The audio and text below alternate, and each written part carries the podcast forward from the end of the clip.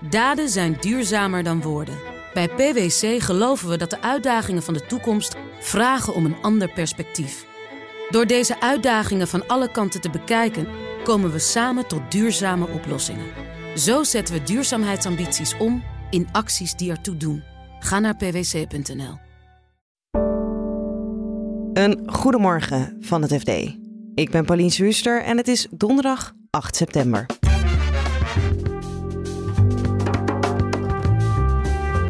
Steeds meer huishoudens dreigen in de schulden te komen door de hoge prijzen, zeggen grote steden. Corporaties en gemeenten kijken nu heel erg naar het kabinet. Wat gaat het kabinet doen om te zorgen dat die middeninkomens en lagere inkomens toch eh, de rekeningen kunnen blijven betalen? En er zit steeds meer geld in universiteitsfondsen doordat ze risicovoller zijn gaan beleggen en grote schenkingen kregen. En het is natuurlijk ook belangrijk dat je dan ontzettend veel transparantie hebt over waar komt het geld vandaan en naar wie gaat het eigenlijk toe. Al is het om de schijn van een belangenverstrengeling hè, tegen te gaan. Dit is de dagkoers van het FD. De hoge energieprijzen en de bijkomende inflatie gaan zorgen voor een explosie van schulden. Dat zeggen grote gemeentes tijdens een rondgang van het FD van onder andere onze woningmarktredacteur Erik van Rijn. Den Haag had heel vorig jaar 29.000 meldingen van achterstanden bij zorgverzekeraars, energiebedrijven, um, andere instanties, nutsbedrijven, drinkwaterbedrijven. Uh, dat zijn er nu al tot en met uh, juli 27.000. Dus zit nu al bijna op het niveau van heel vorig jaar. En dan moeten de koude maanden nog komen. En uh, Amsterdam heeft het aantal meldingen van achterstanden bij energiebedrijven van inwoners zien verdubbelen tussen maart en mei. En ook flink zien toenemen in de eerste helft van, van dit jaar. Dus ja, je ziet dat die hogere energieprijzen en die uh, hogere energielasten daarmee nu echt mensen beginnen te raken in hun portemonnee. En dat het gewoon duidelijk wordt dat mensen de rekeningen niet meer kunnen betalen hierdoor. En is dat in Rotterdam en Utrecht dan nog helemaal niet zo? Nou, dat is niet helemaal niet zo. Alleen het punt is dat zij deze steden in, nog niet echt in hun cijfers, dus de meldingen die zij krijgen van energiebedrijven en zorgverzekeraars, et cetera, als mensen betalingsachterstand hebben, zij zien in die cijfers nog niet echt een significante toename ten opzichte van voorgaande jaren. Maar dat wil niet zeggen dat deze steden zich niet zorgen maken over wat er, wat er nu gaande is. Omdat zij ook zeggen van ja, we zien gewoon dat steeds meer mensen in de problemen komen in de stad. Dat de, het beroep bijvoorbeeld op speciale noodpotjes eh, in Rotterdam eh, aan het, uh, aan het toenemen is. En in Utrecht verwachten ze dat de komende tijd gewoon de energie, dat de, de betalingsachterstanden en de cijfers daarover gewoon echt, ja, echt flink gaan toenemen als op het moment dat we richting het einde van het jaar komen en mensen natuurlijk dan de, de rekening krijgen gepresenteerd voor de eindafrekening van hun energie, uh, van hun energieleverancier. Ja, dan zal toch echt wel blijken dat mensen toch wel flinke achterstanden hebben. En in hoeverre denken ze dat dit probleem, want nou nu is er natuurlijk veel focus op de lagere inkomens, lagere middeninkomens, dat dit nog breder wordt? Ik sprak met uh, de gemeente Tilburg, uh, ook een grote stad. En daar zeiden ze, we krijgen echt ook veel telefoontjes, belletjes, hulpvragen van mensen met een lager, lager middeninkomen. Dus mensen die gewoon uh, ja, niet het minimumloon hebben, maar gewoon daar net een, een stap boven zitten. Um, die misschien niet uh, recht hebben op de grote, grote toeslag. En misschien wel een eigen huis hebben en een baan. Maar dat ook die mensen dus zich zorgen maken over, krijg ik, krijg ik het wel rond? Ja, en het is vrij recent dat die gemeenten zelf dan ook signaaltjes krijgen van die bedrijven, toch? Ja, nou, veel gemeenten waren er al wel een beetje mee bezig, maar dat beeld verschilde heel erg. Maar door een wetswijziging vorig jaar mogen energiebedrijven, zorgverzekeraars, ehm, verhuurders, woningcorporaties mogen al in een vroeg stadium aan gemeenten vertellen: hey, deze huurder of deze uh, klant die heeft te maken met een betalingsachterstand. Dat mag al na één maand, zodat ambtenaren kunnen zien: hey, deze, dit huishouden heeft bij twee verschillende instanties, bij en de corporatie loopt die achter met het betalen van de huur. En bij, de, bij het energiebedrijf is geen geld binnengekomen de afgelopen maand. Misschien is hier toch wat aan de hand. En jij schrijft uh, over de woningmarkt, dus uh, kijkt ook naar de corporaties. Volgens mij in de stad Rotterdam zegt dus, nou, wij zien nog niet in onze cijfers dit enorm terug, maar de woningcorporatie dan weer wel. Ja, een woonstad, grote woningcorporatie die iets van 100.000 mensen huisvest ja, die ziet nu inderdaad uh, de, de betalingsachterstanden in juli alleen al met, uh, met iets van 15% toenemen. En dat is echt een behoorlijke explosie, zoals ze het zelf zeggen. Ehm, en die woningcoöperatie gaat nu ook gewoon twee extra mensen aannemen om te zorgen dat die schulden weg worden gewerkt. Van, en dat die mensen bericht krijgen van ja, probeer je rekening te betalen. En zij verwachten dat het hierbij ook echt niet zal blijven. Dus um, al die woningcorporaties, uh, ook los van Woonstad, maken zich echt grote zorgen over wat er nu gaat gebeuren. Omdat ze gewoon zien dat huurders, zeker in de, bij de wat lagere inkomens die in een sociale huurwoning zitten, gewoon ja, soms tot 200 euro per maand meer energielasten hebben. En daardoor gewoon, dat is voor heel veel mensen een hele maand boodschappen, zeg maar. Dus, dus dat, dat hakt er enorm in. En kunnen we dan ook zeggen dat waarschijnlijk na nou het najaar, winter, dat het dan, nou ja, dit beeld nog veel erger wordt? Ja, dat hangt er maar net vanaf wat er gaat gebeuren natuurlijk. En hoe groot de, uh, als niets gebeurt, dan denk ik dat wel. Um, maar... Met iets bedoel je dan koopkrachtreparaties, energieprijzen ingrijpen, zoiets? Precies, corporaties en gemeenten kijken nu heel erg naar het kabinet. Wat gaat het kabinet doen om te zorgen dat die middeninkomens en lagere inkomens toch uh, de rekeningen kunnen blijven betalen? En dat uh, waarschijnlijk komen er uh, acties aan hè, van het kabinet, nog weer een extra energietoeslag, minimumloon gaat, gaat omhoog. Waarschijnlijk op, op Prinsjesdag wordt dat aangekondigd.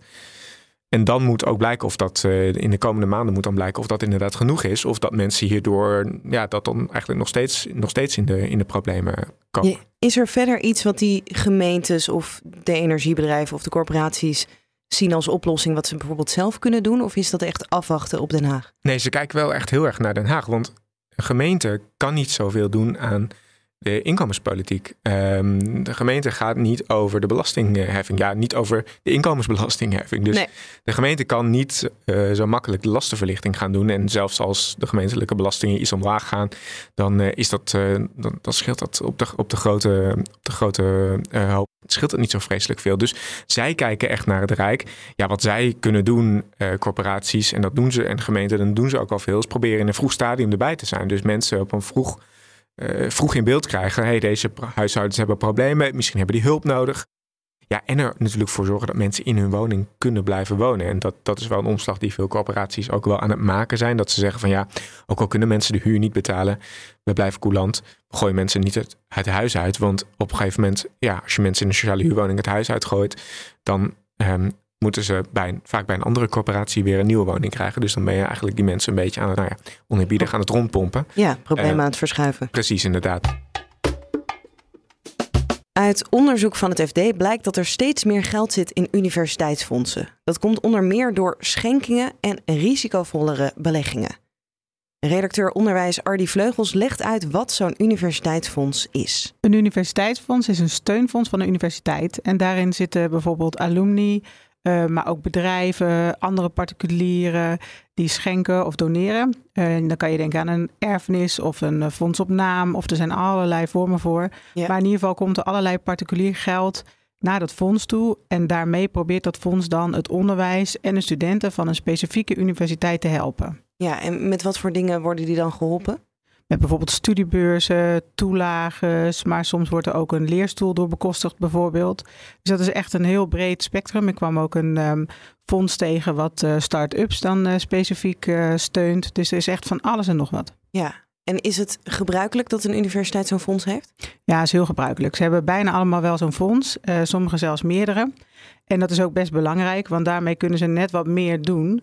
En universiteiten die ik sprak, die zeiden ook van de laatste jaren hebben we echt iedere euro uh, omgedraaid. Omdat we gewoon te weinig financiering van het Rijk kregen.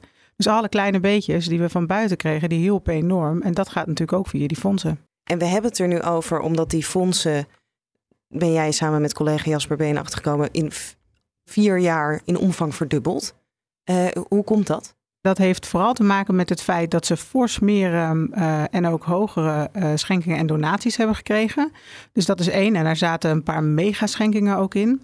En aan de andere kant is het ook zo dat ze zijn gaan uh, ze beleggen en ze zijn wat riskanter gaan beleggen. Dus ze hebben ook wat betere resultaten gehaald. En universiteiten zelf, die mogen niet beleggen, toch? Nee, universiteiten zelf, die mogen niet beleggen. Dat is al een aantal jaar zo. En het idee daarachter was juist om het privaat en het publiek geld ook goed uit elkaar te houden. Uh, dus die mochten niet meer zelf beleggen. Maar die universiteitsfondsen, dat is eigenlijk een andere organisatie, helemaal apart van de universiteit, waar privaat geld binnenkomt. En die mogen dat nog wel. Ja, en in die fondsen zit dus geen geld uh, wat vanuit de overheid komt, van de universiteit zelf. Dat is allemaal extern geld.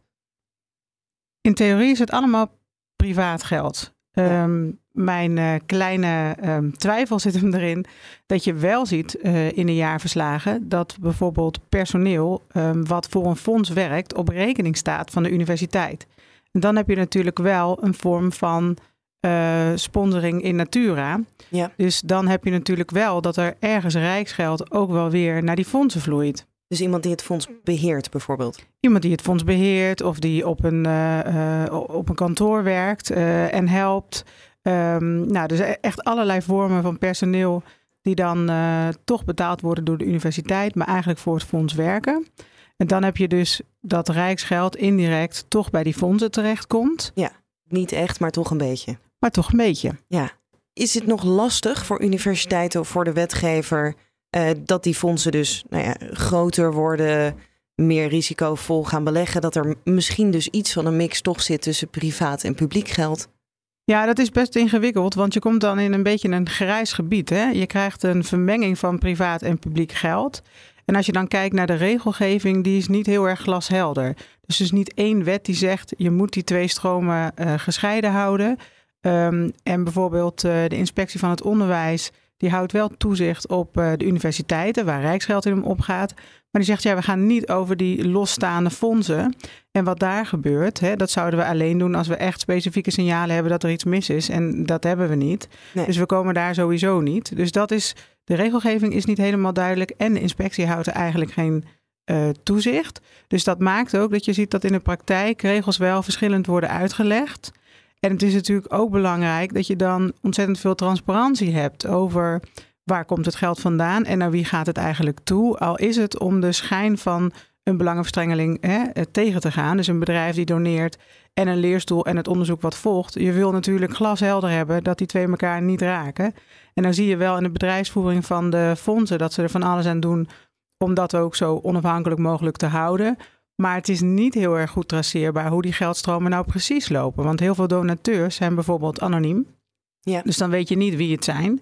Uh, en uh, die, die, kunnen wel geoorloofd bijvoorbeeld zeggen: Ik wil uh, op dit wetenschappelijk domein een leerstoel bekostigen. Dus een deel van hoe het geld loopt kan je niet goed zien. En daar schuilt wel het risico in dat je met troebel zicht natuurlijk geen scherpe foto kunt maken van wat gebeurt er met publiek en privaat geld.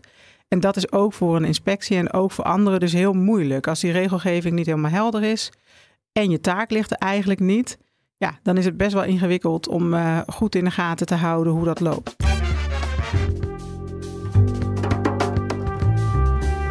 Dit was de dagkoers van het FD. Je kunt op deze podcast reageren door te mailen naar podcast.fd.nl. En je kunt ons ook volgen als je ons even opzoekt in je podcast-app en klikt op abonneren. Morgenochtend zijn we er weer. Voor nu een hele fijne dag en graag tot morgen. Daden zijn duurzamer dan woorden. Bij PwC geloven we dat de uitdagingen van de toekomst vragen om een ander perspectief. Door deze uitdagingen van alle kanten te bekijken, komen we samen tot duurzame oplossingen. Zo zetten we duurzaamheidsambities om in acties die ertoe doen.